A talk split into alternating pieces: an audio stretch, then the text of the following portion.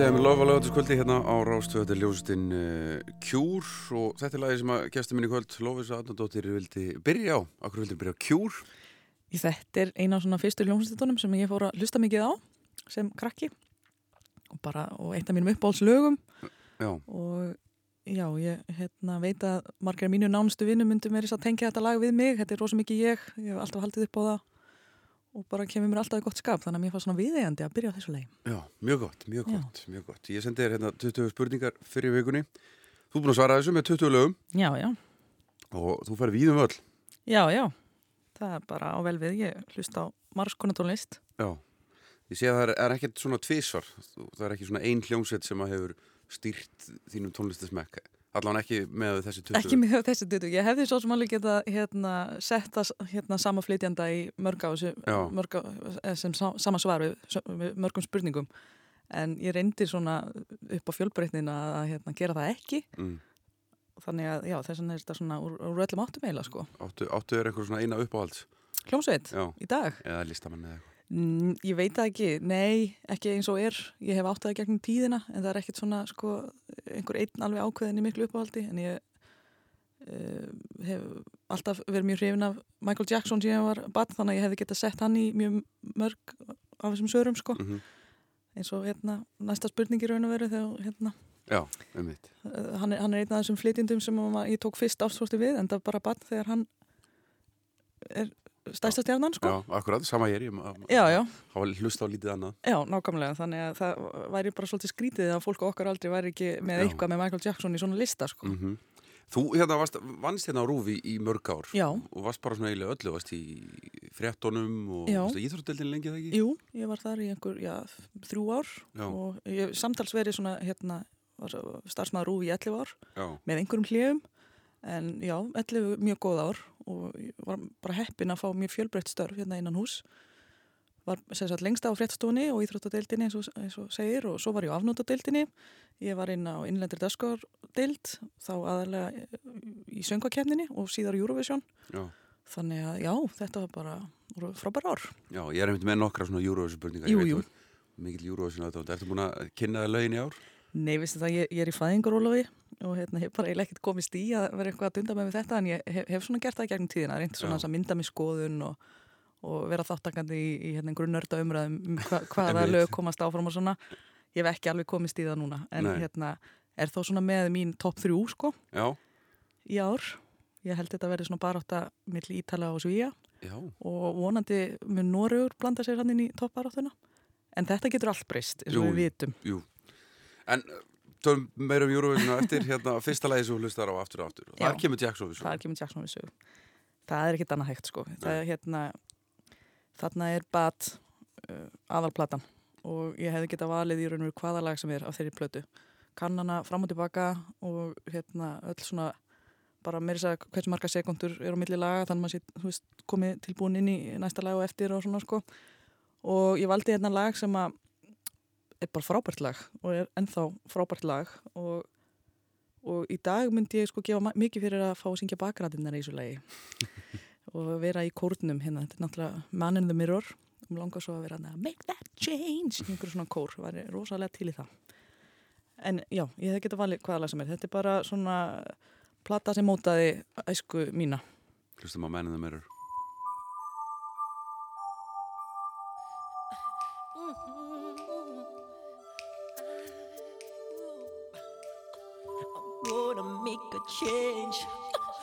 once in my life.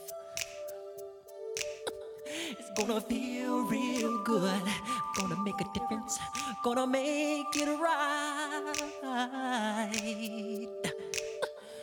As I turn up the collar on my favorite winter coat.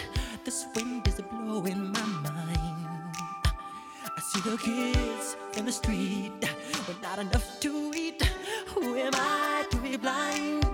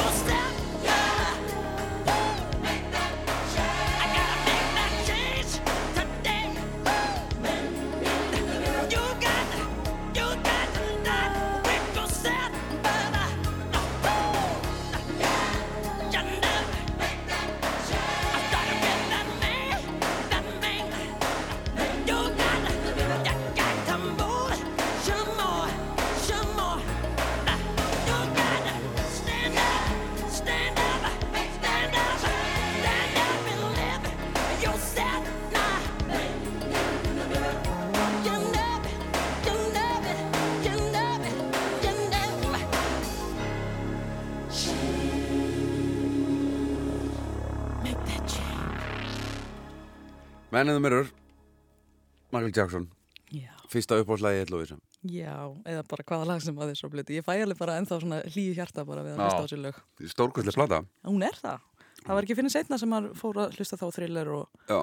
off the wall og svona En, en já, hlusta reglulega ennþá á allar þessu blötur Já, ég fór fyrst í thriller sko, svo Já, bet. ok, það er aðtrygglisverst Já, já. ég veit ekki, að, kannski bara ég fekk hana fyrst. Já.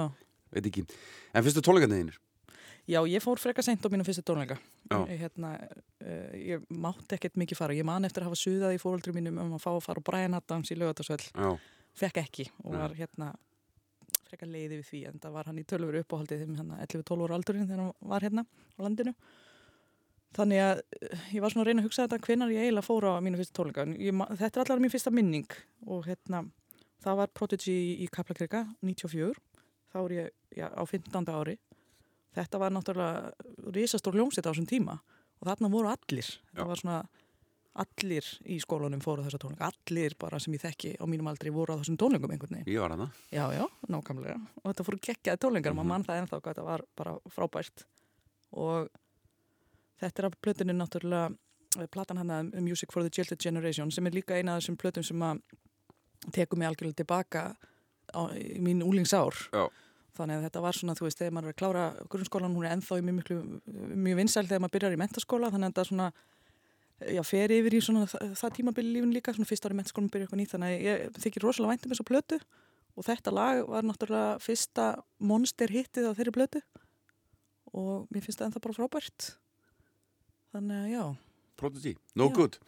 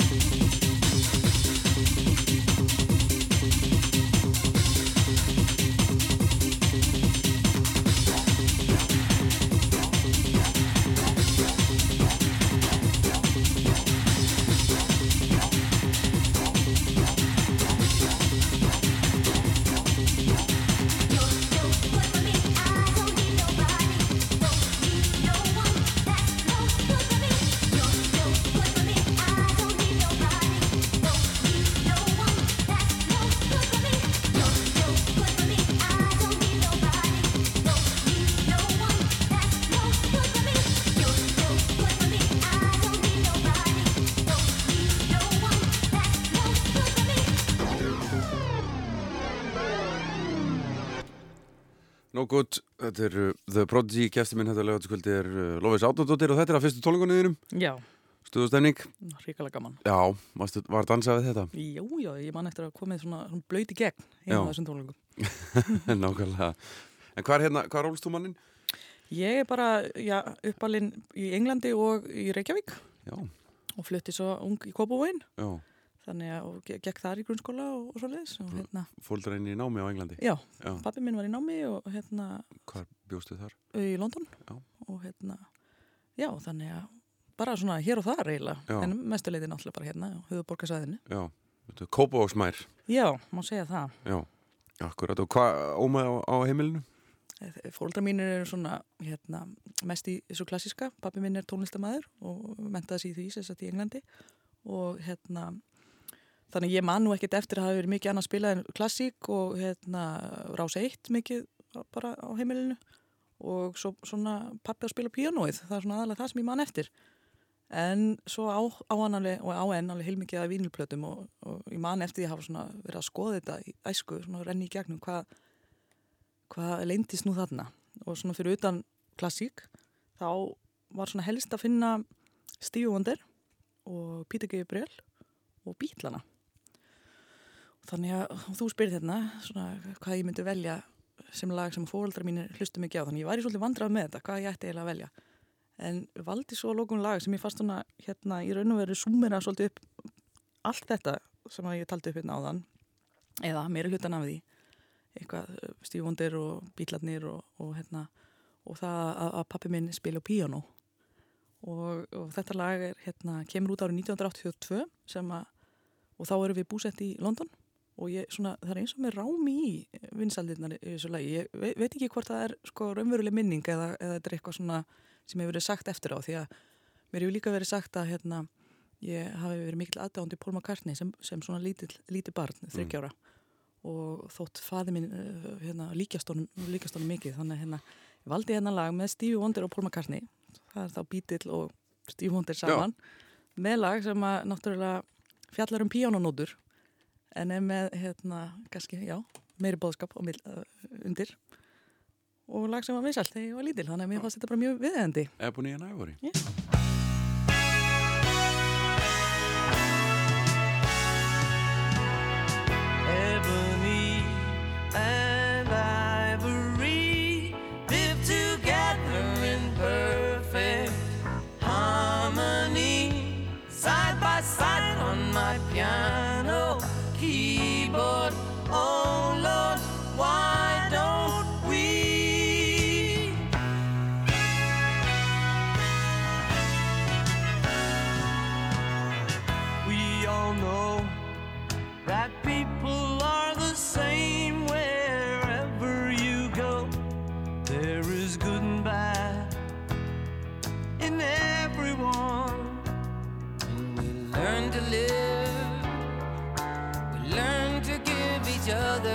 What we need to survive.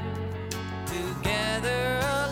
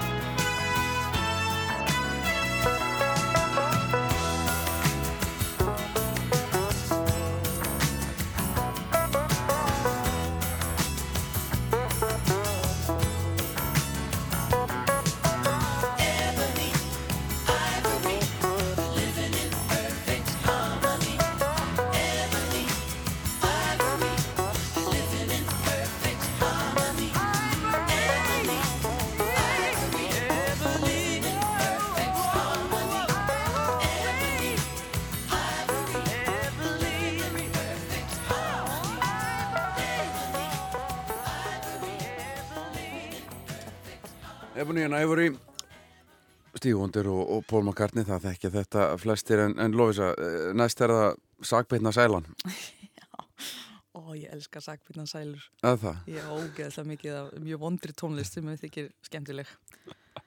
Og hérna, hefði getað sett ansið mikið í þennan lið. Finnst þér þetta ekki skemmtileg? Það, er, það er ástæða fyrir því að þetta heitir sakbyrna sæla. Jú, Já. jú, jú ég, ég álið nokkuð svona lög líka Já, nákvæmlega, sem þú segir einhver frá. Já. En því ég átti nú samt svolítið erfitt með að bæði það að velja eitthvað eitt og þetta sem að, hérna, að segja, þú veist, ma- segja engum að maður hefur gaman að þegar maður er lítill, sko, af því að þú veist, þegar maður er lítill þá hefur maður ekki vitað á því skamman sín fyrir eitthvað sem maður Mhm. hlustar á. Þannig að ég, hérna, var nú að æra fjölskyldunum mína með endalisum spilunum á stjórninni og, og eitthvað svona, þú veist, sem kannski þykir ekki rosalega töff í dag, en maður fattar það ekkert sem, að, sem krakki, sko. En hérna, já, já, ég er meira saman með sko playlista hjá mér sem heitir Guilty Pleasures eða Já. Sækbyrnin Sæla sem að hérna maður setja stundum á á föstudögum og, hérna og ríksugar eða eitthvað sko hefur bara gaman að sko. En ég valdi hérna lag sem að er já, one, svona eiginlega one hit wonder. Já. Uh, þetta, ef þetta er ekki Sækbyrnin Sæla þá veit ég ekki hvað. Þetta er svona ótrúlega vond lag. En mér þykir samt eitthvað svo væntið það því að hérna, mér fannst að svo skemmtilegt. Já, það eiginlega sko. Og það finna er sko, ég fann þetta á vínilhemi og ömmu minni á öllum stöðum og hérna, setti þetta regla á fónunni henni alveg svolítið framöndir aldrei af því að hérna, fast það svolítið fyndið að hérna, hún skildi eigið á vínil, náttúrulega eitthvað hennar börnum Já, sem hefur átt þetta. En hérna, æ, svo er þetta bara eitthvað random lag. Ég, Já þetta er mjög random. Þetta er mjög random. Þannig hérna, já, mér þykir þetta ennþá svona, svona, svolítið skemmtilegt en þetta er eins og ég segi, arvaslagt þannig að verði bara ennþá skemmtilegra við það. Og lagið er? Já, þetta er Kiss Me með honum Stephen Tintin Duffy.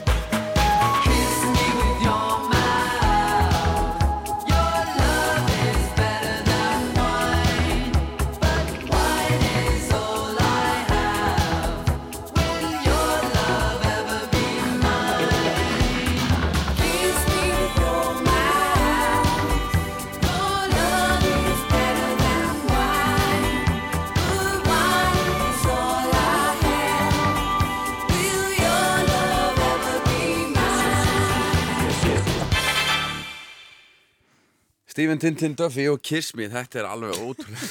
Þetta er eiginlega mínum fyndið. þetta fer hringin og verður kúl. Þetta er þannig, það gerir þannig bara. Daldið þannig, sko. Já, já, segjum það bara. En uh, þá var það næst hérna svona þrjú áratöðalög. Mm Uh, ég, þú veist, það er hægt að svara þessu náttúrulega, ég myndi spyrja það núna, það kemur eitthvað annars Já, svar. í þetta næstu. var eiginlega, ég var í mestu vandræði með þessar þrjá spurningar. Af því einmitt, það getur, það er náttúrulega rúmast í raun og veru allar tónlistastefnur innan Já. þessara spurninga. Já, Og alveg ríkalega erfitt að velja eitthvað eitt. já, En ég hafði þá bara mína aðferði við það sem ég get bara útskýrt.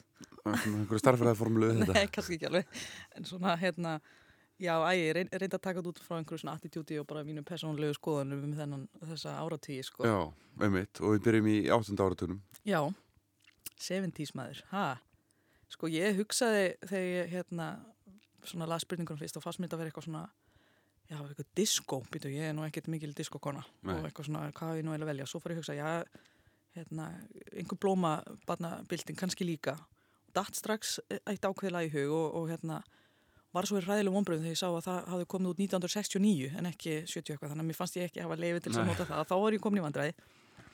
En svona þegar ég fór að rúli í gegnum lagalista minn og hérna, þá datt ég hún á þetta og bara um leiðu sá það bara, það er þetta, þetta lag, vegna þess að mér finnst þetta svona að hafa svona attitude, svona, svolítið svona það sem er í gangi á þessum tíma, eftir því sem að, eftir þe- þeim skilningi sem ég legg í Mm. tímabilið, ég er náttúrulega ekki fætt hana og hérna, Það er lag sem verður síðan vinsælt þegar Já. við erum svona, við komum niður 20. já, gengur í endurnu í lífdaga þegar hérna þrjár svona popdýfur hérna kofera þetta, en orginallin er náttúrulega miklu, miklu, miklu betri. Já, sjálfsög. það er hérna svona meira swag í þessu sem að hérna mér finnst bara hrikalega skemmtilegt og cool og bara gaman að dilla sig við þetta, gaman að syngja með þessu já, bara úgísla cool lag Já, hlustum á það.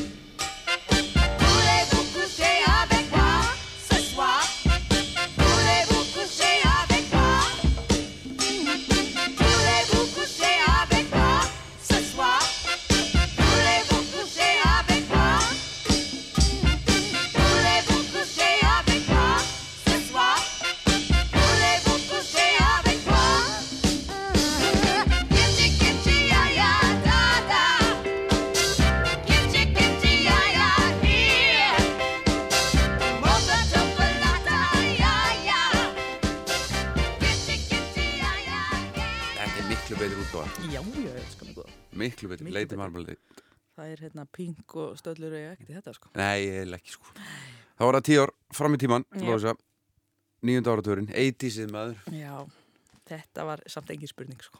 Nei, en það Nei, Og vel og gott lag sko já, já, þetta hérna, ég hef rosalega gaman að þessum áratök eins og held ég bara lang flestir. Þarna, það er einhvern gleðin í fyrirrúmi í allir tónlist og hérna, sem mér finnst mjög skemmtilegt. Og alveg ógrinni, alveg ríkarlega góðu lögum og hérna svona sem Og að slæmum. Og slæmur reynda líka þar alveg rétt. En þetta er svona skilur, þú veist þetta einhvern veginn eh, spilar mjög stóna sess í já, hérna fyrir fólk á okkar aldri Já. sem að hérna bara elst upp við þessa tónlist og, og svona. Að hérna það var úr miklu velja en, en það var samt aldrei spurning vegna þess að þetta er bara uppáhaldslægi mitt. Það er bara þannig. Og hérna úr uppáhalds uppáhalds kvikmyndin minni. Og hvað myndi það? The Breakfast Club. Þannig að nú náttúrulega vita allir hvað lag þetta er. Þetta er náttúrulega Don't You Forget About Me Simple Minds. Þetta er bara alveg hrikalega gott lag. Og hvet allir til að sjá myndina sem að hafa ekki ennþá séð hana. Hún er einmitt 30 ára í ár, hefur þú ekki séð hana? Jú, ég, þú veist, fyrir 10-15 ára Já, síðan þú ert að taka annaður án sko, vegna þess að hún eldist mjög vel. Já, sem er um, svolítið merkilegt af því að hérna úlingamyndir frá þessum áratug er ekkert endilega að gera það. Nei. og eða þú veist bara almennt yfir eldast úlingamyndir ekkert vola vel. En þessi mynd er ennþá mjög góð. 30 ára ámali ár. Þannig að hérna, Ok, ég skal horfa á hana. Ok, frábært lístu vel að það. Hlusta bara Simple Minds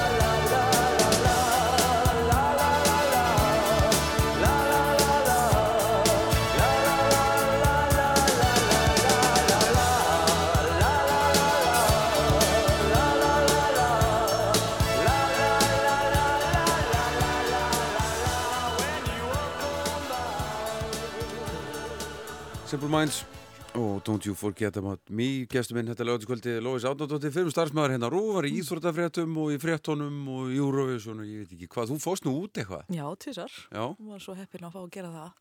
Fór til Düsseldorf með vinnum Sjóna já, og svo til Baku í Azerbaijan með Gretu Salome og Jónsa. já og þú varst að gera sjónvarp þar eða Já, ekki? ég, hérna, ég og Ragnar Sandors, hérna, producent og og við gerðum hérna þættina sem eru ennþá í gangi, og, hérna, heita Leiðin til og svo þá Düsseldorf, Baku og nú síðast, hérna, já, hvað, Ég maður það ekki Malmö og, og Köpen og eitthvað.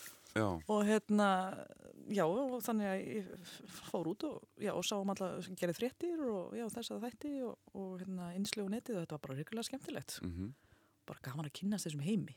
já þetta er vist alveg magni, ég hef aldrei fengið að fara sko Nei, þetta er algjör bladramæður sem er hérna, rosalega aðtiklisvert að sjá. Já. Hvernig var Azerbaijan og Baku? Heyrðu, það var rosa gaman að koma þanga. Hérna, komur eiginlega svolítið óvart hvað, hérna, í raun og veru allan miðborgin er orðin vestræn. Við vorum bara á hóteli hérna og beint á móti einhverju risastóri vestlunamiðstöð Já, og þetta var bara, og já, og svo, sko, þú veist, svona ljósaskilt út um allt þetta sem væri bara í Las Vegas eða eitthvað, sko. Og, og svo alveg ótrúlega andstæður, sko, svo þarfstu bara að koma rétt fyrir utan og þá er bara mikil fátækt og, og rústir, eldgamna rústir og, og bara þúsund ára saga og þannig að þetta var svolítið aðeinsvægt en indislegt fólk, það vildi allir allt fyrir okkur gera og og það lögðus allir mikið fram við að, að hérna, þetta erði ánægileg upplifun fyrir okkur sko, þetta var kannski svona þeirra hjartans mál að fá að kynna sig fyrir heiminum Já. á Azerbaijan, þeir eru svolítið að reyna að verða næsta Dubai held ég sko, já, ég veit og það sést mjög vel. Hérna, en hérna já, þetta var bara mjög aðgrísvert sko, að koma Mm. hana En aftur að tónlistinni já, og þessum lögum og þessum spurningum. Nú voru að tíund áratöður já. Hann eftir táningur. Þarna ég dánugur og hérna, já, þarna, þú veist, á þessum áratug er maður náttúrulega í raun og veru að breytast úr batni í, já, fulláni einstakling nánast. Þetta eru tíu ár og hvað maður, þú veist, 11 ára til 20, sko. Mhm. Þannig að, getur ímyndað er að tónlistin sem maður hlustar á breytist mjög mikið á þessum tíma, Já. eins og þú veist. Þannig að þetta var mjög erfitt að velja eitthvað eitthvað hérna. Af því að, eins og ég segi, ég hlusta mjög mikið á Cure og ég hlusta á bara eins og já, Nirvana eins og allir aðrir eða þú veist, eitthvað svona, svona típi tónlist sko, eða þessa poptónlist sem var í gangi þarna, þannig að kemur Britney fyrst fram og, og öll súpopbilding sko og, og ég veit ekki hvað hvað, þannig að ég var í sjónalli vandræðum en, en svo ákvað ég að hérna, taka bara táningin alveg full on á þetta. Og hérna það sem var mest í gangi manni í grunnskólanum svona 93-4 sko. Og, og svona þann skilning sem ég legg í þegar ég heyri 90s Já, þá hugsa ég 90s tónlist svona eins og maður fór á böllin með Kitty Von Sond- Sondheim og þeim hérna 90s böllin hérna núna sem hafa verið vinsæl gegnum tíðina. Og ég hlusta mikið á svona tónlist 90s tónlist, hérna Snap uh, CNC Music Factory og já, Culture Beat hvað þetta hérna allt saman sko. mm og það hérna nóg til af þessu No Till, já og hérna Two Unlimited maður ha? og fóð mér þess að einmitt á Hattavei þegar hann kom hérna fyrir ekki svo mörgum árum og það var alveg ríkala skemmtilegt og, og ég hef ennþá mjög gaman að þessari tónlist. Og hérna á alveg playlista með bara minni 90s tónlist. Og, og þetta lag er svona, einna, svona eitt, eitt af þessu allar vinsælasta á þessum tímu á þessum tíma. Og sem ég þykir bara, já, hérna skemmtilegt lag. Þetta er hérna Mr. Vane. Það þekki þetta náttúrulega allir. Held ég, það var, mikið dansað við þetta í Já,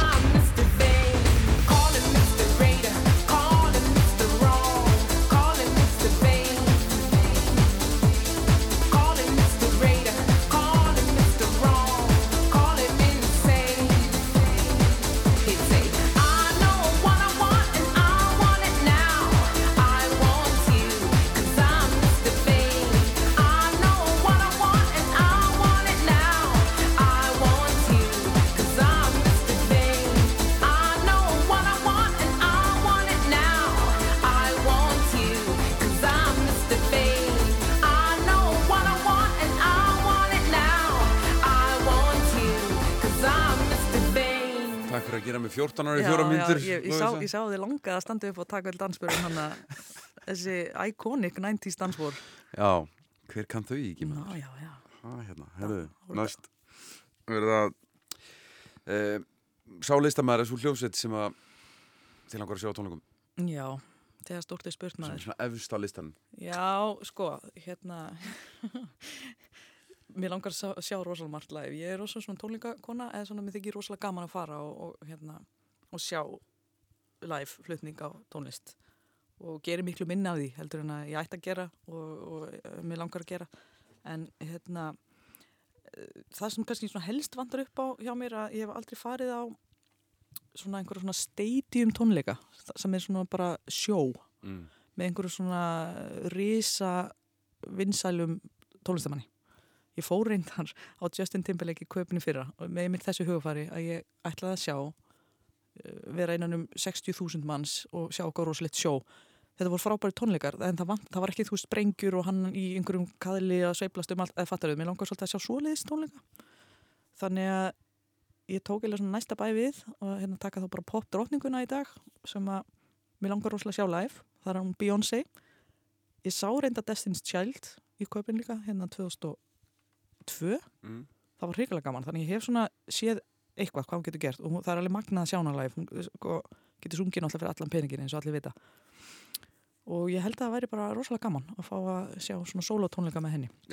Döði sélega eftir að hafa séð sko, hérna, hafi ekki farið á hana þegar hún var að túra hennar fyrir tveimur árum. Já. og var þá í, fórum margir íslendinga til, til Svíþjóðar að sjá hana til Stokkólums og, og til Kaupanafnar mm. og sé svolítið eftir að hafa farið, eh, ekki farið sko. En þannig að ég vonast þess að geta fengið tækifæri bara fljóðlega til þess að fara og eitthvert og sjá hana. Já.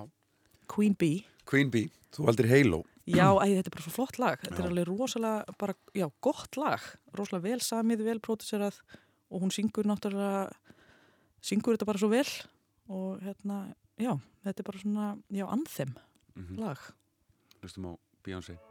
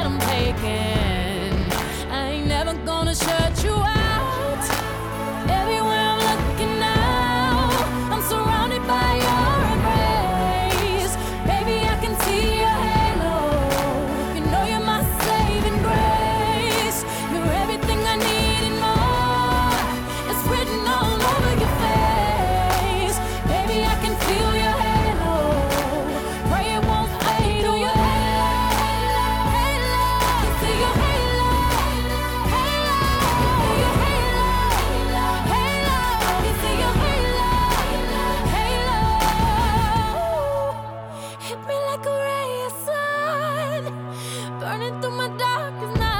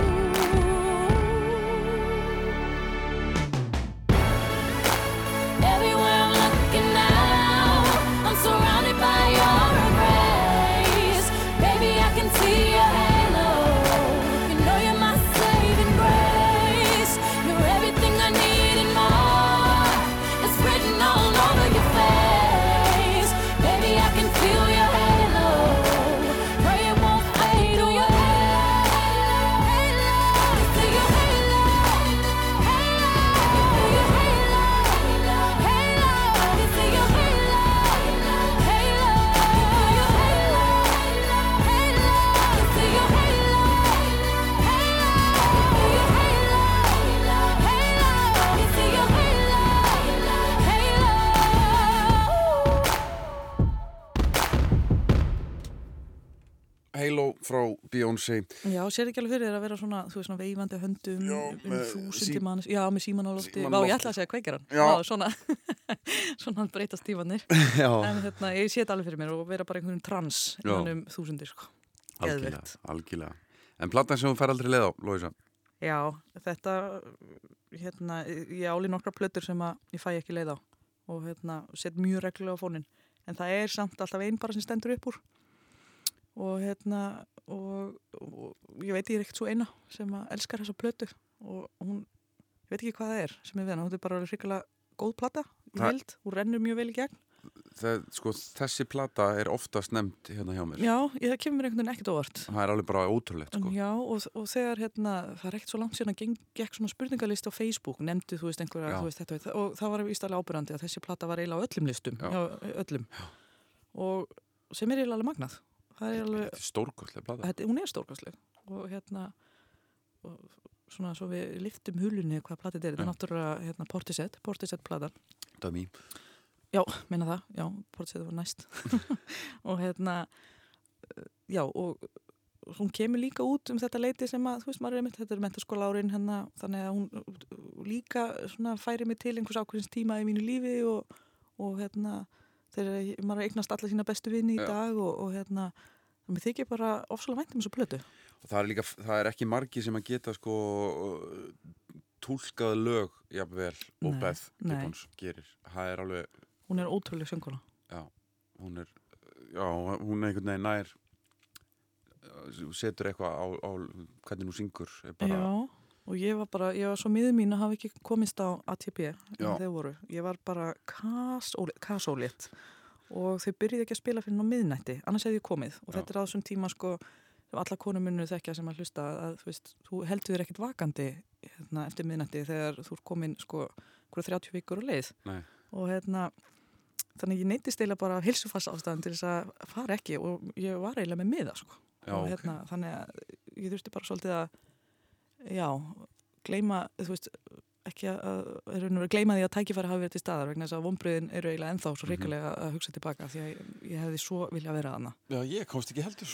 Nei, þannig að þú þekkir þetta, þekkir þessa tilfinningum Matti. Ég Þetta var er- í útlöndum. Já, þetta, er- þetta er ótrúlega leiðilegt og einhver svona plata sem maður búin að hlusta á núna í já, 20 ár, 20 ár, já.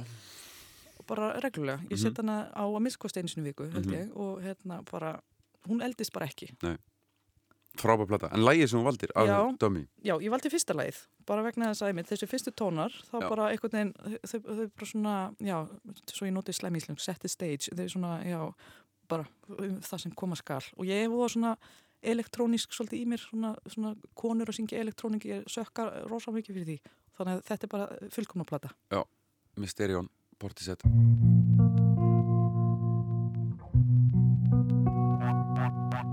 Thank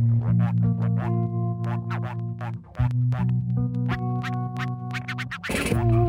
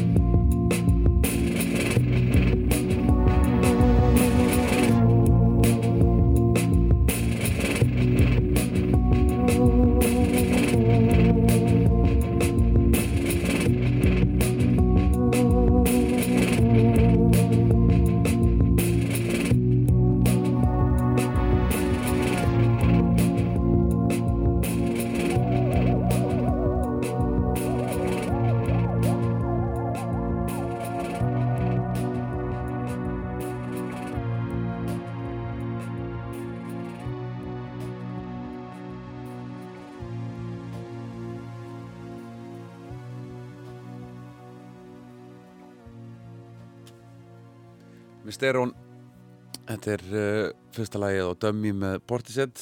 Lófis að platan sem fara aldrei leið á. Og ekki ég heldur, Nei. og fáir held ég bara sem hafa hlusta á þessu blötu og þekki þetta. Þetta er, alveg, er skildu ykkur. já, þetta er algjör skildu Já.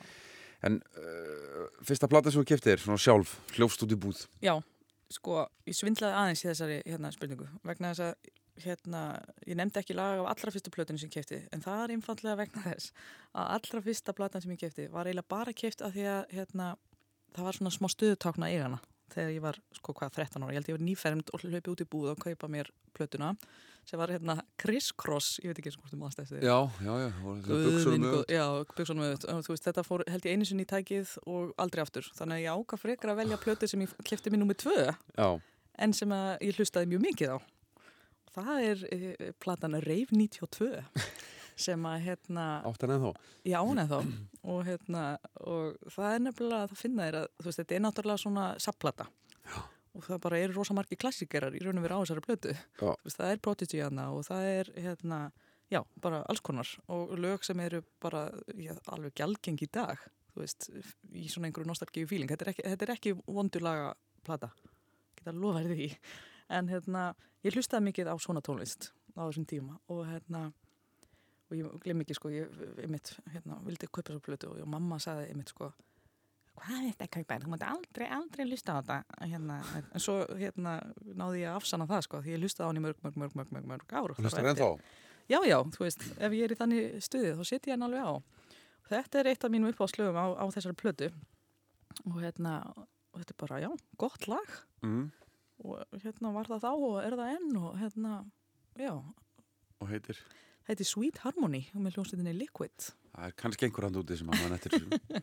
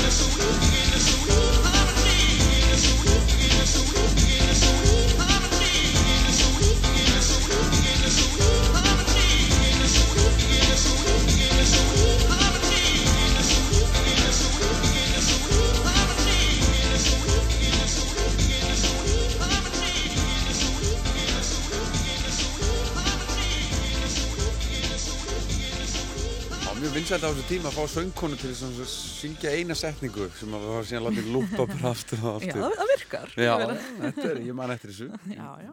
Öruglega blödsnúða þetta einhvern tíman í vitanum í hafnöðri. Já, allir það ekki. Jó, ég potið, sko. Liquid Sweet Harmony, þetta er svona, það, hvað, reif, Reif 92. Reif- er- var því það klassa íslenskt? stykki, nei, reyfir ekki, sko. nei, einmitt. En það var náttúrulega til að reyfi töskuna og reyfi þetta og reyfi hitt. Já, það var búið að reyfa þetta allt Það saman. voru reyfið allt saman og ég var mikill svona reyf hérna, stelpa þótt ég hef náttúrulega aldrei farið samt á alveg reyf full ung í það á þessum tíma Já, en hérna hefur rosa gaman að þessari reyftónlist já, hún er uh, skemmtileg, ég er já. og hérna, hún kemur öruglega aftur potið, potið Og það er nú aðeins byrjað að koma í nútíma pop Já. svona, Já, og er að færast sko, þetta hefur lengi verið svolítið í Evrópu, svolítið svona, svona euro Mm. sko, er að koma meira til Ameríku, þá se- segir manni þetta er svona að taka aftur Já. Já, en ég setti hérna tvö svona uh, söng og kemnis Eurovision spurningar Já. af því ég vissi að þú voru að koma Mm og, og, og spyrði hérna uppáhalds íslenska Eurovision-lægið Já. og þetta hreinlega vissi ég ekki, ég vissi ekki að, hún hafi Nei, keft sko. nei, það sem sýnir að þú ert engin nörd sko. Nei. nei, nei, þetta, hún Eivur Ævur Pálsdóttir, Já, Nei, það er kannski margir búin að gleyma að hún tók þátt. Uh, kannski líka vegna sem hún tók þátt árið 2003, það sem að í raunum veru, það var, uh, söng, það var hérna fórkeppni hérna heima, en það var engin samkeppni. Þetta Nei. var árið sem að Birgitta Haugdalvan og hún hefði getað, þú veist, trallað stafrófið og hún hefði farið út fyrir Íslands hönd. Já, Hún var bara já. náttúrulega drottningin á landinu á þessum tíma, eða prinsessan. Hérna. Já, en þannig að sko, það man engin hvað önnu lög voru í sér keppni nema kannski þá helst botleiða sem lendi í öðru seti já, leðan til Lettlands leðandi Lettlands nákvæmlega og hérna, en þetta lag er ég valdi það af því að sko, þetta er bara ákvæmlega fallet lag og eina af þessum sko perlum sem hafa í raun og veru, það, það er leynast inn á milli í Mm. hérna, í þessari íslensku fórkeppni og textin er ofslega fallegur, textin eftir hann Freyrík Ellingsson lagið sjálfur eftir hann Yngvar Þór Kormáksson sem hefur nú átt fleiri lög í, í keppninni. En það er eitthvað við líka hvernig hún æfur syngur þetta, hún, hún, það er hún sem gerir alveg lagið og þetta er bara algjör perla þetta lag og í miklu uppáhaldi hjá mér. Þó, þó ég svona, sé ekkit endilega mikið að hlusta á þessi lög sem hafa keft í gegnum tíðina. Nei, þá er þetta alveg á svona, þetta er svona crossover lag hjá mér, það, ég set það ekki bara á þegar Eurovision seasonin fyrir gang heldur ég, það er alveg á fleiri svona notalegum playlistum heima hjá mér. Þannig að já, ég vil endilega bara minna á þetta lag. Ég held ég hef aldrei heyrt þetta lag. Nei, það er komin tíma á það. Ég, Já, hlustum á þetta. Í nótt deyr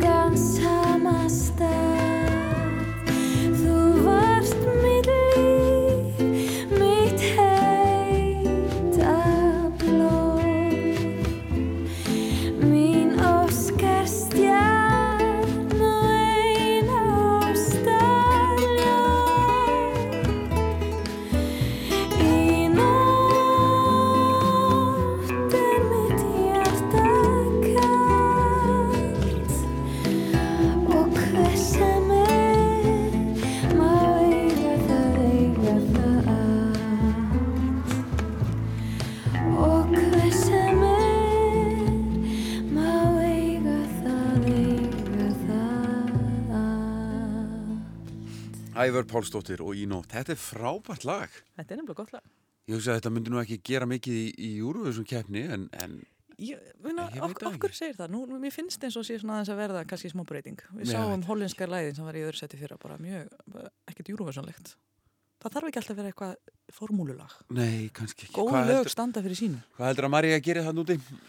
Já, ég vona því að sjá hann að fara upp úr fórkefninni. Já, þetta var frósinlegið mikla. Já, já, og hérna held að uh, við séum bara, getum nokkur nefn bóka það það? án þess að setja nokkra pressu á, á hana. Já, Ég segi þetta náttúrulega gríni, ég, þú veist, þetta, er við skulum ekkert vannmeta það að hérna, vera fulltrúi þjóðasinnar á alþjóða vettvangi. Þetta er náttúrulega mikil pressa og hérna, maður við sé það þegar maður fer út að þetta getur vegið þungt af fólki og hérna, en ég held að hún muni standa sig mjög vel og skila okkur í alkefnina og svo, þú veist, á ég ekkert vona á að við gerum eitthvað meira það en við höfum kannski verið að gera undarfarið, þú veist, ég hugsa að við verðum kannski fyrir ofan 16. sæti og eftir að einmitt fara í gegnum þetta og, svona, taka fulla afstöðu til þess en ég er ekki viss um topp 10 nei, ég var það fyrst en svo þú veist bara breytist það svona þegar Akkurat. hérna en já, tíunda til kannski 15. væri frábært þar hafið það. Já, Ertu sannspá í, í þessu? ég hef verið það Já, já, já. hérna geta veðja svolítið að sigur vera og hérna en þú veist, svo skipti það svona fyrirfram það er ekki neitt að marka það, hérna, þú þarft að sjá þetta á sviðinu það, það er mínútið sem skipta máli og það er eina sem skiptir máli Mm En það var að kvikmyndatólistin. já, Þú fyrir aftur í spurningalistan hérna. Og þú Mm. mm. Velur dálítið sérstætt lag, í rauninni bara dálítið atrið og bíómynd. Já, æ, þú veist, þetta er svona upp á slæði til kvikmynd, það er hafa næstu öll lögur í kvikmynd, þú getur raunur valið hvað lag sem er, Já, er. þannig að ég reyndi að fara svona eitthvað svona, þú veist, hvað lag hefur bara verið í kvikmynd nánast og eitthvað sem ég hef rosalega gánað og þetta var alveg á, hérna, most played hjá mér á iTunes alveg lengi að ég hef bara rosalega gafnað þessu lagi. Og þetta er atriði úr myndinni Hudson Hawk sem er svolítið svona kvöld klassík og hérna ég sá á sínum tíma hún er rosalega fyrðuleg og hérna hef ekkert séð hana eitthvað síðan Ég hafði mjög gaman af henni. Já, hún er nefnilega, hún er svolítið svona wacky sko, en Já. hérna skemmtileg Já. og hérna alls ekkert fyrir alla en hérna, en þetta er Bruce Willis líka sko. Bruce Willis, sem er náttúrulega já, æðislegur það er ekki tægt að segja neitt annað Þinn maður. Þinn, minn maður, algjörlega og hérna og þetta, hann sést leikur í þessar mynd ástættunum Danny Ailo eða kann ekki að um, byrja þetta fram og þeir líka einbróstjófa eða sérst er að brjótast inn. Að stilengur sem ég man ekki núna hvað er. Og eru sérst að tímasetja sig eftir, eftir sko lægi, þeir vita sko lengdir á lögum. Að þú veist, já þetta lag er þrjár tíu. Veist, þá höfum við þrjár tíu til þess að gera þetta. Og svo syngjaði lagi. svo syngjaði lægið í gegn. Og, og þeir flytja þetta, þetta er ekki sem sagt hérna, Nei. þetta er Willis sjálfur og hann Danny og hérna og syngja þetta lag. Og þetta er náttúrulega bara gamalt lag sem þeir eru að kofera en það er einhvern veginn svona, einmitt, svona glettni í því skemmtilegt, skemmtilegu texti og ég hef bara alltaf haft mjög gaman að þessu lagi og hérna, þess vegna valdi ég það Skulum hlusta á Brúsulis, syngja duett.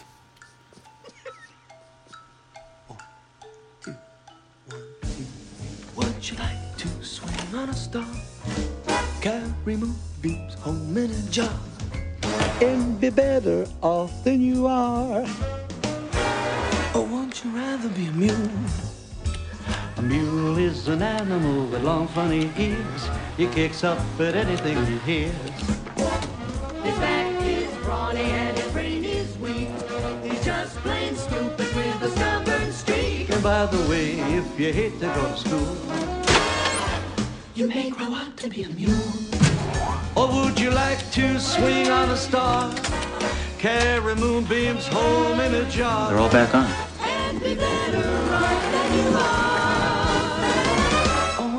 Rather be a fish? A fish is an animal that swims in a brook. You can't write his name or read a book. To fool the people is his only thought. And though he's slippery, he still gets caught.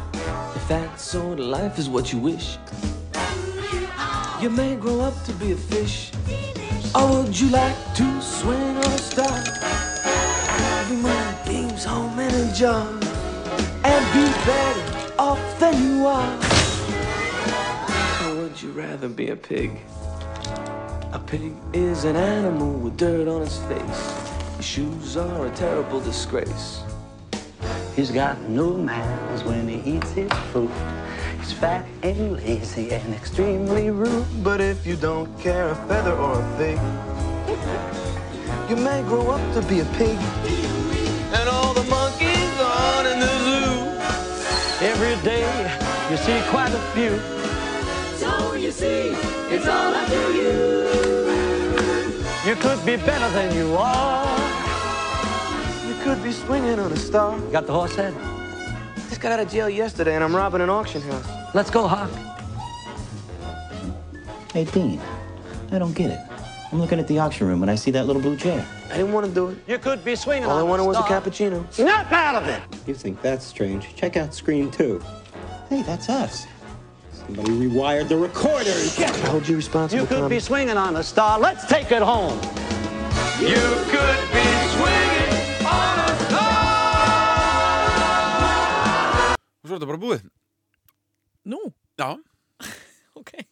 Það er allt í leið. Þetta er eh, Swinging on a Star, Bruce Willis og, og hann hérna Danny Ailo úr Hudson Hawk. Ég ætla að horfa, nú eru tvær myndir sem ég tek hérna með mér út og þarf að horfa á aftur. Stórgræður á þessu þetta. Breakfast Club og, og Hudson Hawk. Já, bá, báðar svona 80 eitthvað, eða, nei, er kannski 90 eitthvað, ég veit ekki, early 90s en Já, það. Hudson, já, ég held það. Já. Ég, man, ég hef mjög gáðan hann, ég hef ekki séð myndi. Ég er ekki vissum að hún eldist mjög vel. Það eru fleiri góð lögin, ég man hún syngur hérna I've got the power, einmitt með Snap, Já. hérna einn leikonan, hérna liggur upp á piano eða eitthvað, hann mm. syngur það, þannig að það er greinlega, já, kannski gott soundtrack í þessu. Já, eflaust. Það var það uppáhalds íslenska lagið þitt. Já, hvað, þetta er alltaf erfið spurning. Þetta er alveg, pff, hvernig ámar að velja þetta? ég, ég var í miklu vandræðum og hérna, vissi ekki alveg hvað átti ég átt að fara. Nei. Af því að ég, það, það, já, einhvern veginn ekki eitthvað eitt alveg sko, uppáhalds, uppáhalds, uppáhalds, uppáhaldslag. Og hérna, efast nú um að einhver eigi það, eða veit ekki. Nei, það er voða erfitt. Og hérna, og mjög miklu að velja, náttúrulega. En ákveða að fara hérna bara þá leið, svona sem hefur allan að verið lag sem hefur verið í mjög miklu uppáhaldi hjá mér. Og sendi mér einhvern svona trans með svona smá elektrónik og, og kona að syngja sem að ég, eins og áður segir, svolítið sökka fyrir því. Þetta er hún Björk okkar Já. og hérna frábært lag frá henni All is full of love þetta er gott vídeo, náttúrulega, frábært vídeo frábært lag og þó það sé ekki sungið á íslensku þá, hún, þetta er nú eftir hana og, og hún flyttu það, þannig að mér finnst það alltaf að vera það- gjaldgengt Þetta er íslensk lag, já, nokkarlega algjörlega íslenskt. já, og hérna, já Eitt af hennar betur lögum, sko, Já, mínum að því. að, já ég, þetta og hérna, Play Dead, ég voru hefna því það, það reyndir ekki alveg eftir hana Nei. Og já, hún har náttúrulega bara útrúlega mörg góð lögun en þessi tvö er miklu uppáldi hjá mér með Björk. Já. þannig já, ég vildi endilega velja það. Og lagið er? All is full of love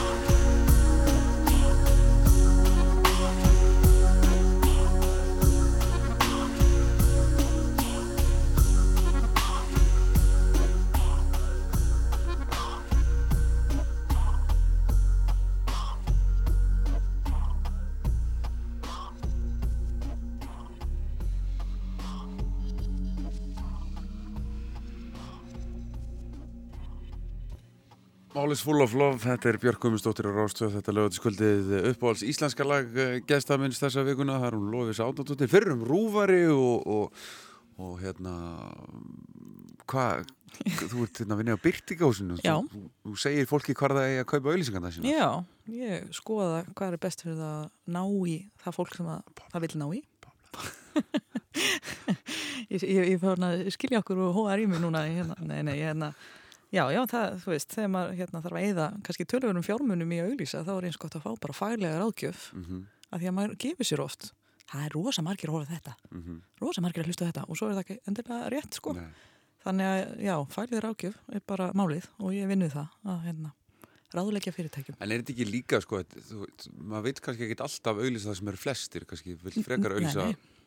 Það sem er rétt af fólki, sko. Það, Rétti það er aðalatrið, já. Eða, eða kyn, eða Já, já. Hvernig, hvernig Og það er ekki endilega að auglýsa sko, meira, heldur að auglýsa á réttum stöðum. Já, Það er, það er ekki svarið að eigða rosalega háum fjárhæðum endilega, það er ekkert víst þú þurfið þess nei, ef þú auglýsir á réttum stöðum. já. Þannig að nákvæmlega. þetta er kunst Já. og við, þú veist, það, það er bara rannsóknir og mælingar og, og svona sem stuðstu við, þetta er ekkert út í loftið, þannig að Mm. þetta er bara, já, í raun og veru idiot proof ef þú ert með einhverja peningi í höndunum, þá verður að fá faglega ráðgjöf, sko. Já, akkurat, akkurat. Áhugavert. Já, En ertu karaoke kona?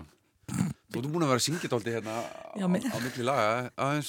Æ, ég eina af þessi sem getur ekki hlusta tónlist að syngja með. Nei, Það er örugglega mjög pyrrandi fyrir fólk. En allavega, fegstu tónlistar gáður frá föðinum? já, já, já, já, já. Já. Eða svona, þú veist. Já. Nei, nei, ég á þá við, sko, maður bara músikalskur, Já, skilur. Ég er ekki að segja að ég sé eitthvað tónlist að séni. Ég, á bróður sem fekk meiri hlutin af því. Já, Og hérna, er hann í einhverjum hljómsveitum? já, hann er Hjaltalín. Nó, nó, Já, já, já, hann hérna spila þar á fiðlu og, og fleira. já, já, já. Og með tvær bíagráður í tónlist og ég veit ekki hvað og hvað, sko. Þannig að hann, hann fekk svona bró, bróðupartin Já. og við hinn, hérna, hýrtum restar og hérna, sem að dugir alveg, sko. Ég syngi kór og, og karogi, byttu fyrir þér, ha, og hérna, Já, ertu karaoke kona? sem sagt? guðið mig góður, já. Já, Já, já, þú, já, já, ég hérna, maður þú dettur ert ekki alveg að grínast núna. Nei, nei, ég, ég segi það, ég hangi ekki ölluðri Nei, nei. allar helgar, sko, en, en þú veist svona, dett í gýrin og við erum svona þrjár vinkvæðna sem að, hérna, eigum það til að, að hérna, hoppi, dett inn á Karaki sportbarnir í bæ og, og taka lægið og, og það fyndi sko að það er alltaf sömurlaugin maður á sitt lag, og þú spyrir þú veist, hvað er lægið sem um Karaki, þú átt ekki eitthvað mörglög, það er meira þannig að maður syngur það sama mjög oft, svo kannski skiptur ef, þú- ef þú ert að gera þetta í mörg ár.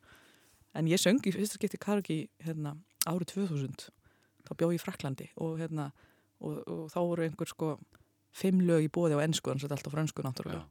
Og hérna og þá uppgötaði hvað er nú skemmtilegt að hérna stundum bara að hérna þú veist, bara að láta allt út í veður og vind og hérna hafa gaman að, að líðinu og, og syngja og þetta bara, já þannig ég syng bara í karki, segi það Já. Og lagið þitt? Já, ekki að ráðast á garðina sem er lægstur Nei, En það er líka, er það ekki best ef, þú- sko, þú ætlar að syngja í karaoke? Já. Tekur það allar leið Þá A, annarkvort ertu það góðu söngari Já, að þú getur sungið hvað sem er Já. eða þú veist því sem næst eða þá að þú ert ekki góðu söngari og syngur bara Freddie Mercury og bara, algjörlega. veist, Það er, það er eiginlega sko, það skiptir minnst máli hvort þú getur sungið eða ekki, það er hvernig þú gerir það. Já, og eftirminnilegasta kargi eftirminnilegasta kargisöngur sem ég get nefnt er einmitt, það var einhver gaur í New York sko rámfalskur Já. algjörlega gæti ekki rungið, hann tók hérna Beautiful með Kristínu Aguilera. Og það var bara sko frábært. Eða svo veist, held eitthvað lagi en hann gæti ekki sungið skiluru veist, en þetta var frábært. Og það er það sem skiptir máli, svona attitútið í kargi og hvernig þú presentera það og, og hérna, já. Ég fíla að syngja svolítið svona dífulög ég get tekið þetta svolítið á brjóstóninum það henda mér ágætlega. Og bondlög þá sérstaklega hérna, þau einhvern veginn falla í þessa kategóriu sko, oft svona einhverja dýfur en þetta er algjörlega lagið mitt þessa dagana. Já. e e síðustu árin. Og þetta er Goldeneye með Tínu Dörnir bondlag, Tína? Tína maður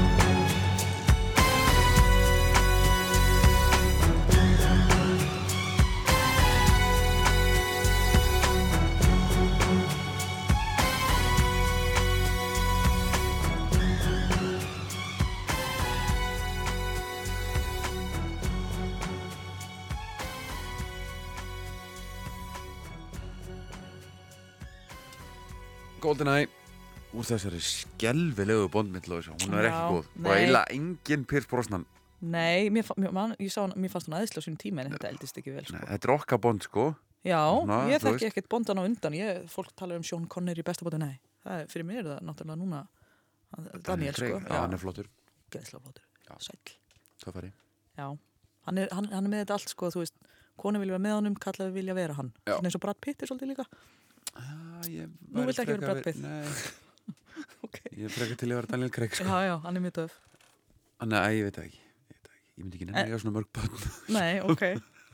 En þetta er gott lag samt. Þetta er frábært. Já, já, hvað, eftir, eftir Bono? Já, eða ekki, jú, hann á GoldenEye já, rétt, já. En hérna, Lóis, að ferðalögið þín? Já.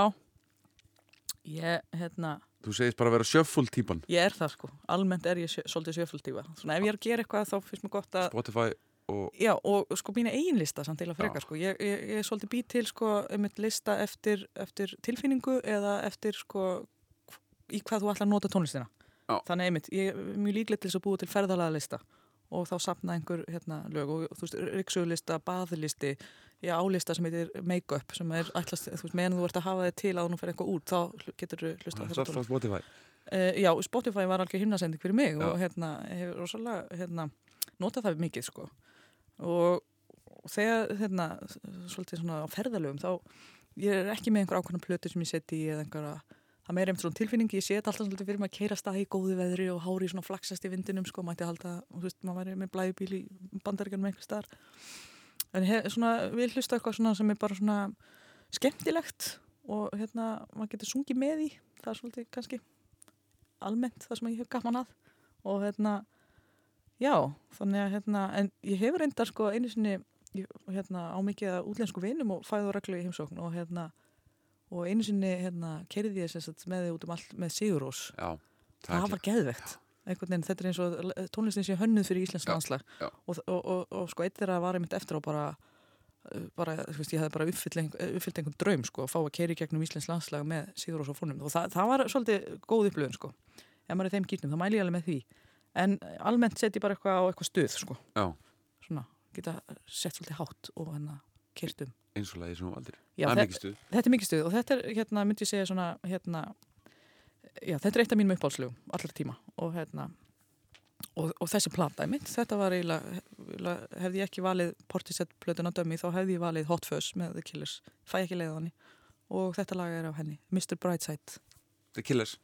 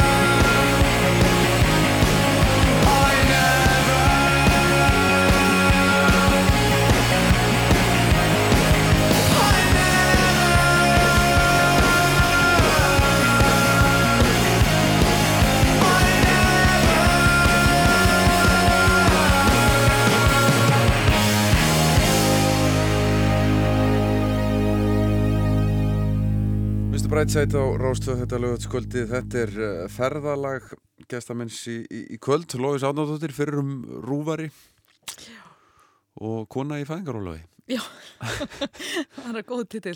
Það ekki? Jú, Þú sagði þetta að nota allan frítíman í gær til þess að, að- að velja laun. Já, já, það er ekki mikið um frítíma þess að dana skal ég segja. Ég er með tvíbura sko. Já, og þannig að þú getur sko bara köttið allt í tvend sko allan frítíma og svona ef að eitt va vakir þá sefur hinn og ef að ein- annar loksins sefur lengur þá vaknar hinn náttúrulega og svona sko.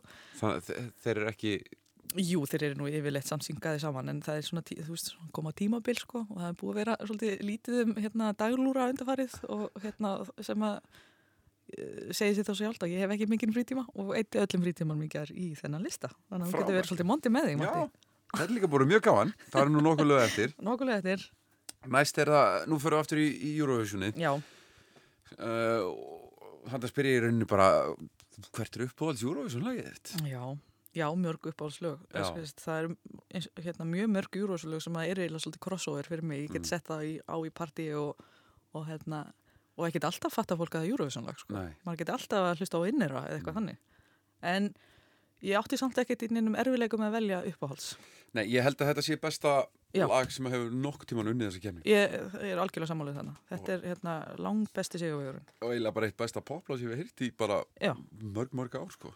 Það er það nefnilega, mjög, mjög ánum með að hýra að segja það. Þetta var ekki mjög, mjög eins nördalegt þegar maður upplifur eitthvað svona. Nei, þetta er stórkostlegt lag Já, og- og það, hérna, það, flytjandinn gerir rosalega mikið fyrir þetta lag. Hefði einhver annar flytjandi sungið það þá er ég ekki viss um að þetta væri svona bara stórkostlegt poplag eins og það er.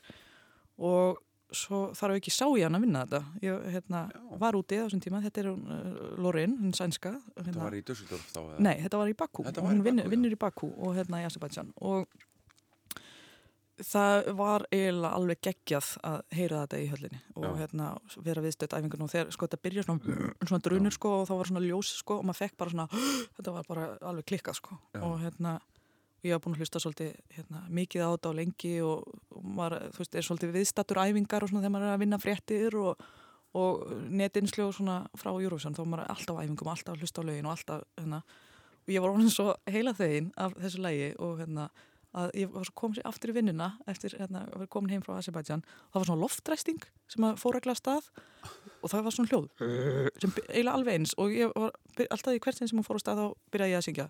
Tonight, þú veist alveg svona það var rosa skrítið, maður var alveg heila þegin en þetta er bara alveg hrikalega gott lag. En var ekki alltaf, að, þú varst þannig úti Já. Var þetta ekki bara það sem að fólk var að tala um bara? Jú, jú, það var engin spurning um að hún myndi vinna sko. En það ekki? Nei, það var svona, svona dæmigett maður fór kannski eitthvað aðeins að svona efast hvað ef hún vinnur ekki, hvað skildi vinna og eitthvað, en það Hún var rústaði hún rústaði þessu alveg sko. Já. það munnaði litlu hún hefði bætt sko mitt Já. hans Alexandrs Rybak. Hún gerði það ekki, en það, það var ekki langt frá því. Þannig að jú, jú, þetta hún var alveg bara rústaði þessu, ég, ég batt svolítið vonið við að hún myndi breyta kettnin samt meira heldur en að hérna, hún hefur gert uh, af því að þetta var, þetta var bara svo cool.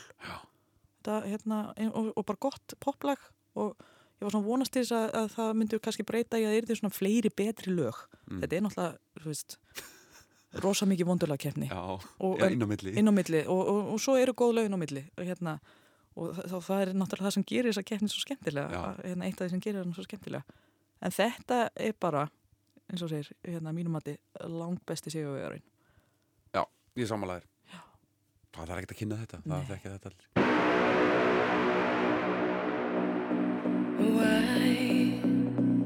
Why can't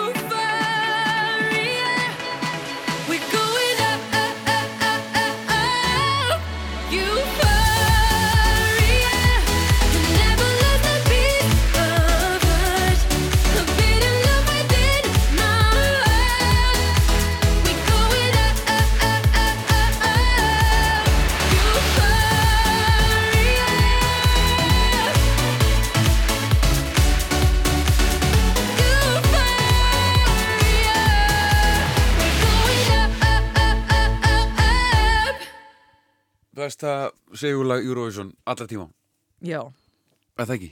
já, að mínum mati. Já, á mínum mati líka Já. Allt betur en Abba Vá, ég er alveg samanlegaður. Ég er alveg komið með ofnæmi fyrir Waterloo. Já En uh, Lóisa, hérna, síðasta lagi sem þú settir á, á samfélagsmiðla Já, ég þurfti að fara svolítið langt aftur. Eða það? Já, maður er kannski meiri, meiri því að deila barnamyndum þessu dagana, ég veit það ekki. En hérna, en fann þetta, hérna, fann þetta lag og hérna, ég, hérna, bróðnaði örgla pínu þegar ég sá hvað ég hefði deilt í raun og veru. Þannig að ég er ekki að henni hérna. Og hérna, var bara hlósaldið sko að se- segja að ég hefði deilt Backstreet Boys I Want It That Way, það hljómar ekkert mjög vel. Nei, en, en hins vegar Hins vegar, já. Ég, færð plús. Ég fæ plús, ég á mér afsökun vegna þess að ég deili þessu í ansi skemmtilegur útgáfu og það er hérna grúpa sem að er orðin held ég bara nokkuð vel þekkt á YouTube Mjög, þetta er bara heimsfræg hljómsveit á Heim- YouTube heims, heimsfræðileg, já, akkurat, sem heitir The Postmodern Mm. Postmodern Jukebox sem að tekur svona vinsalög og bara snýri þeim algjörlega við og setur þeim í svona gamaldagsbúninga og Já, og, og, og, öfugt, svona- og já, já. Og þetta er mikið sjónaspil, ég vil að fólk á að fara á YouTube og skoða þetta. Post, Postmodern Jukebox og horfa á þessu myndbönd, þau eru frábær Já, en það sem að samt þetta sýnir sko, og þau kannski sína fram á, að gott lag er alltaf gott lag, góð laglína er alltaf góð laglína Já. og hérna og kannski fólk það átt að segja á sko mikilvægi pródúsersins sem að, hérna, í hvað átt allar að fara með lagið, hvað það skiptir miklu máli að hérna, hér er búið til eitthvað rosalegt poplag með einhverju rosalegu 90s strákabandi og hérna, sem eldist að mörgu leita ekkert mjög vel en hérna En, en ef, þú, ef þú tekur það allt í burtu sko, þá stendur eftir bara í raun og fínasta laglína. Ásæki, já Þetta var gott Ég er samanlegaður Já, að því ég meina að þetta var gert, meina Travis uh, átti hérna sænskar, nei, hérna, þeir eru ekki sænskir, hérna, Travis, já, eru hérna, já, hérna, uh, þeir áttu hérna vinsal útgáfa af Britney-læginu, Mm. Baby One More Time, sem var tekið fyrir allt þessu útgáfi náttúrulega. Þannig að það er an annað dæmi, um bara gott, góða laglínu. Já, og uh, Postmodern Jukebox, hann er sko þessi sem að gerir þessi lög útsettur lögin, hann Já. er sko klassist mentaður sko. Já, það kemur ekkert orð. Það er alveg augljóst í raun og veru að hérna, þú þarft að vera það til þess að geta, já, Gert þetta svona vel já. Við skulum hlusta á þetta, Postmodern Jukebox að taka Backstreet Boys Ég er ána með að þú skildir að fundið þá útgáfum. Já, Sko. allt til, allt er til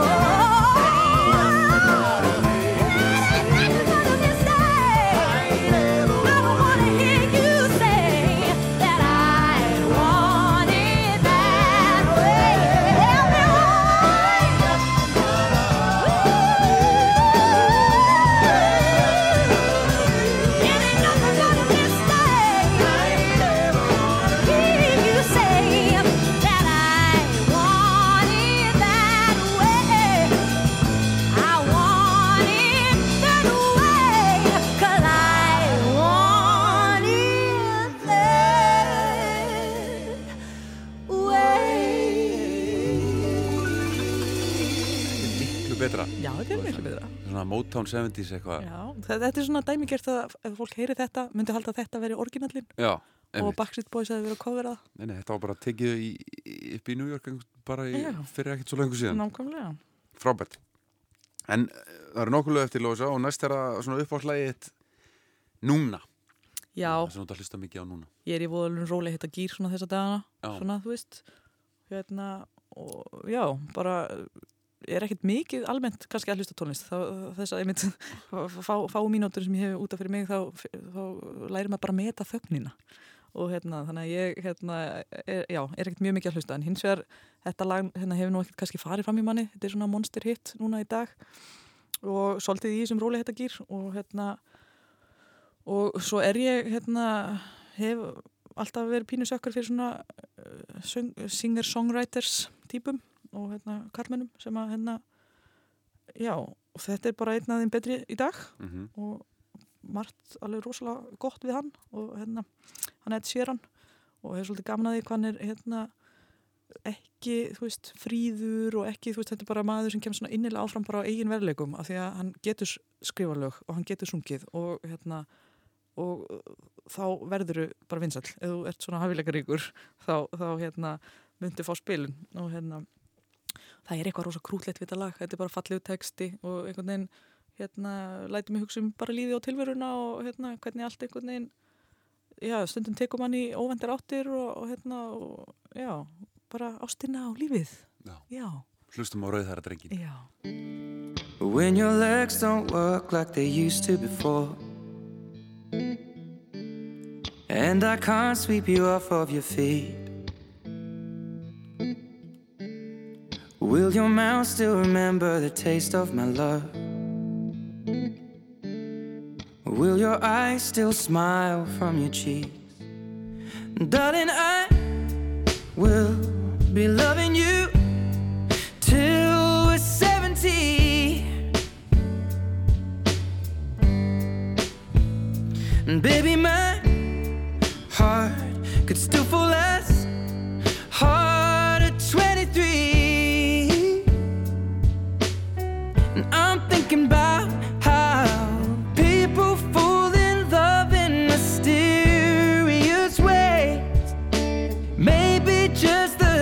of a hand. Well, me,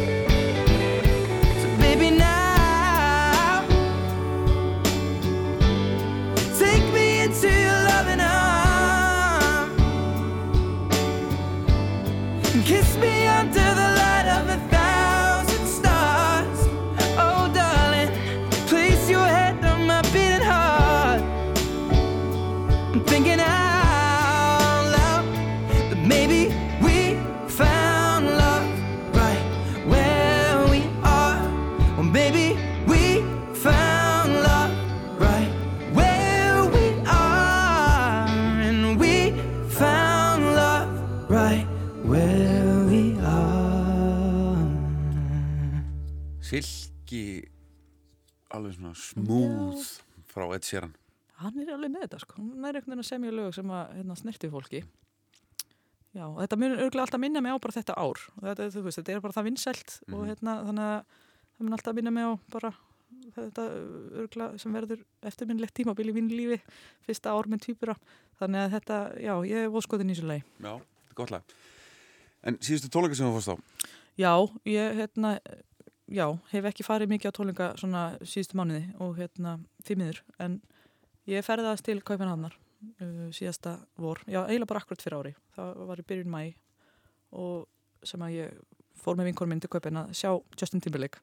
Við keftum með hana í, í november og svo uh, eitthvað nokkur mánu setna var hann kæmi svo til Íslands. Þannig hérna, við fórum svolítið hérna, langt yfir skamt í raun og veru. En, en Komst í HM Já, við komumst í HM og sko 65.000 manns versus kórin það er náttúrulega ekki samanburður í raun og veru sko. Það er alltaf öðruvísi Var það par- var parken? Þetta var á parken sko. Og, hérna, Nei, jú, parken hvar, er, Vá, er alveg, jú, parken og þannig að þú veist, þetta var bara huge. Já. og alveg magnað að vera þarna. Og, hérna, og það var náttúrulega fullt sem hann gerði þarna úti sem var ekki hægt að gera þarna heima. Það var svona aðeins meira sjó. Veist, það var færanlegt svið sem var ekki hérna heima og hann þurfti að fara að leiðandi að sleppa hans í mörgu lögum sem að ég hafði svolítið gamla hann tók coverlög úti hérna eins og PYT með hérna, Michael Jackson sem er eins og þessi skrifað fyrir Justin Timberlake hann gæti gert það að hitti í dag og eh, tók einhver elvislög og alls konar svona bara skemmtilheit og þetta var bara rosalega, rosalega góði tónleikar. Mikill skemmtikraftur. Hann er það, hann er með allan pakkan þessi maður. Og, og þetta er bara svona eitt af mínum uppáslögum á þessari plötu sem að hérna, kom út 2020 og rosalega skemmtilegt að sjá hérna, live hérna, á YouTube þegar hann tók þetta á einhverju velunaháttíð þar sem er svona byrja á baksins og kemur svo inn á sviðið og ég held með þess að NSYNC hafi komið fram með honum hana við gríðarlegan fögnuð hérna, þeirra sem voru viðstættir já og hérna já, ég kemst bara í stuð þetta lag Já. þetta er bara svona góðu fílingur og hérna vildi velja það fram yfir kannski Mirrors eða eitthvað sem kannski hefur verið vinsætla en þetta er bara, já, skemmtilegt. Það lag er þetta? Heitir Take Back the Night. Take Back the Night. Justin.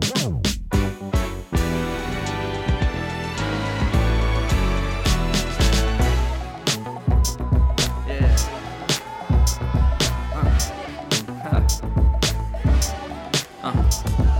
Yeah, this was your city. Did it all and more, broke every law except for one, babe. Attraction, are you ready? I know you feel it, pull you nearer till you feel it again. Oh, wanna do something right, but we could do something better. There ain't no time like tonight. And we ain't tryna save it for later. Stay out here living the life. Yeah, nobody cares who we are tomorrow. I got that little something I like. The little something I've been wanting to borrow. Uh. Tonight's the night, come on, surrender. I won't lead your love astray. Astray,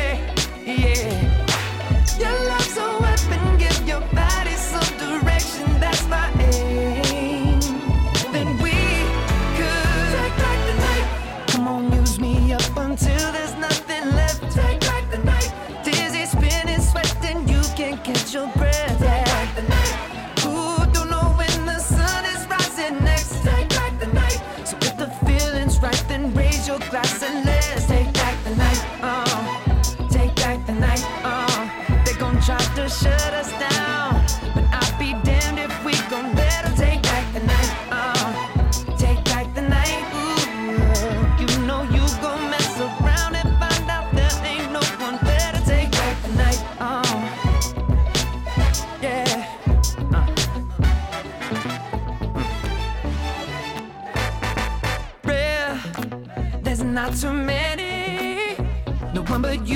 crowded rooms, we can do anything. Attraction can drive you crazy. And the way you move when you go crazy, that's incentive for me. We wanna do something right, yeah, but we could do something better. There ain't no time like tonight, and we ain't trying to save it for later. Stay out here living the life. Nobody cares who we are tomorrow. And you got that little something I like, little something I've been wanting to borrow. Tonight's the night, come on, surrender.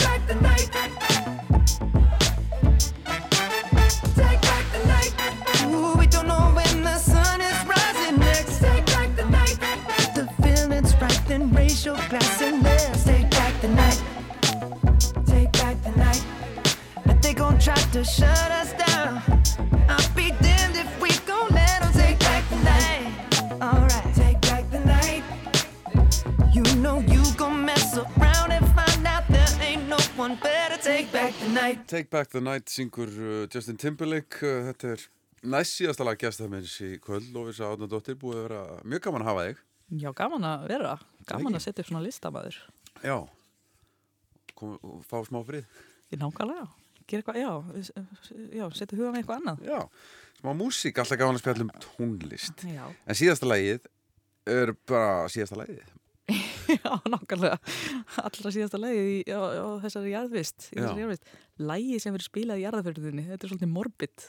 Já, mjög stað gaman sko Já, Því að þú veist, hérna Mér, mér finnst að það er bara að tala um þetta eða, þú veist, já. Ert þú með eitthvað svona svona, Já. Ég nefnilega bara svona, býtu, já, ég... Þú veist, já, rock stundum langum bara að gera grín Já, sko það er margið þar, sko. Taka bara eitthvað, hérna... Stundum ekki sko Já. Já, ég, hérna... Don't let me down til dæmis Já, þú ekki missa kistuna leiðin út. Já. Já, þú hefur húma fyrir þessu. Ha, Kottu sko gistina mín Ói, If ok. you don't know me by now Já. One er- step beyond my madness Þú veist Þú ert alveg með þetta, þú ert alveg okkar. Ég var alveg bara... Uh, Það var einn gestur minn sem ætlar að vera með Jurassic Park Já. Þemalægið nei, Þegar að vera að lappa út með gistunars já, hérna. En ótrúlega fyndið. Það er mjög alveg fólk, fyndið. fólk er svo kreatív. Já. Ég er svo klassísk í þessu. Ég, hérna, myndi svona sennilega. ég valdi það náttúrulega ekki að því það er kannski mjög asnalegt í svona þætti. Já. En þú veist, ég er svona heyrhimna smiður bara eða... Og hérna... Og eða Já, eða draumalandið eða eitthvað svona bara nú leggja augun aftur og eitthvað svona sálm, ég sko hef sungið við marga jarðafæri, ég er, hérna var í kirkjukór þannig að ég þekki nú orðið bara jarðafæra sálma mjög vel þannig að, þannig að ég var kannski svolítið föst í því svona hvað ég myndi velja, ég er búin að sjá fallega sálma eða eitthvað fallega ljós sem ég myndi velja. Þannig að en ég tók bara svolítið svona hérna, þá þá bara annan snúning á þetta. Ég hérna svona kannski meira svona tilfinninguna hérna, þegar, hérna, þegar ég er farin hvað myndi ég vilja skilja í raun og eftir? Með, með hvers konar hugafari vil ég fara út skilur og hérna, þá fannst mér eiginlega mér þetta í hug. Og hérna þetta er hún Edith Piaf, einhver mín. Og hún, hérna, ég bjóð eins og í Fraklandi og þetta, hún var mjög mikið spiluð þar. Það hljómar úsla svona stereotypist en hérna en Það var, er það. það er það, já. En ekki, ekki stereotypa kannski að, að, ástæ- að ástæðu lausu en hérna Nei, hvar varst í Fraklandi? ég bjó í Aix-en-Provence bara í skammastund var hérna í eh, frönsku námi fyrir útlendinga. Það er alveg í Suðu Fraklandi Oui, oui. oui, oui, og hérna ég get nú ekki sagt það. Ég get bjargað mér svona mjög svona bara einhverju svona basic sko Já. en skilaðins mér heldur en ég tala. En hérna dvölin kannski hjálpa ekkert mjög mikið upp á ensku, nei upp á fransku kunnáttuna sko, þetta, þetta maður gleymis mjög hratt. En maður býr alltaf að þessu svolítið. Sitta og Já, drekka svo- rauðin? já, svolítið þannig. Og hérna, ekkert mikið að mæta í tímana. Og hérna, kynntist samt alveg frábær fólki sem að, hérna, mörgum Íslendingum, eitthvað sem maður ætlaði sko ekki að gera þegar maður mætti á staðin en, en svo kynntist ég frábæra fólki sem að er ennþá í góðu samfandi við í dag og þannig að hérna hún, já, Edith Piaf var til dæmis alltaf spiluð sko alltaf síðasta leið áður hérna á okkar svona uppáhalsbar úti og hérna var reyndar ekki þetta lag en þá svona Já, og, hérna, og ég vann einn svona frönsku kaffihúsi og hún var alltaf spiluð, þannig að Edith Piaf, ég þykir svolítið vænt um hana. Og þetta lag, eh, hérna Non, je ne regrette rien þetta er svona, þú veist, ég sé ekki eftir neinu. Já. og hérna, og það, mér finnst að vera svolítið vilt ekki vera með þannig attitút þegar þú deyrð maður má ekki að fara með einhverja eftirsjár úr þessu lífi og hérna, þess vegna valdi ég það Já. þetta er bara, já skemmtilegt, lag. notalegt lag Huggulegt, endum þetta á Edith Piaf, takk fyrir komin að Takk fyrir mig de Michel Beaucaire sur une musique de Charles Dumont. Non, je ne regrette rien.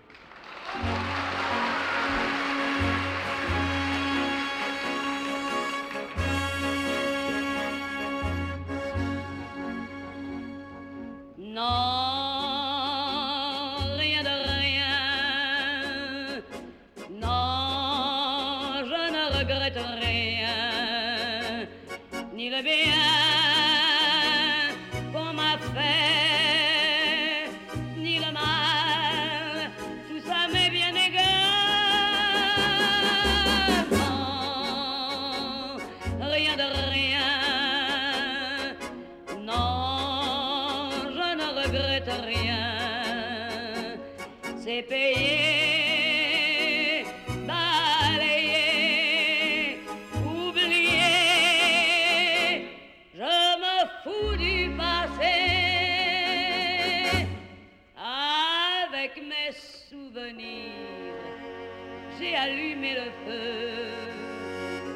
mes plaisirs, je n'ai plus besoin de balayer les amours avec leur trémolo, balayer pour toujours. Je repars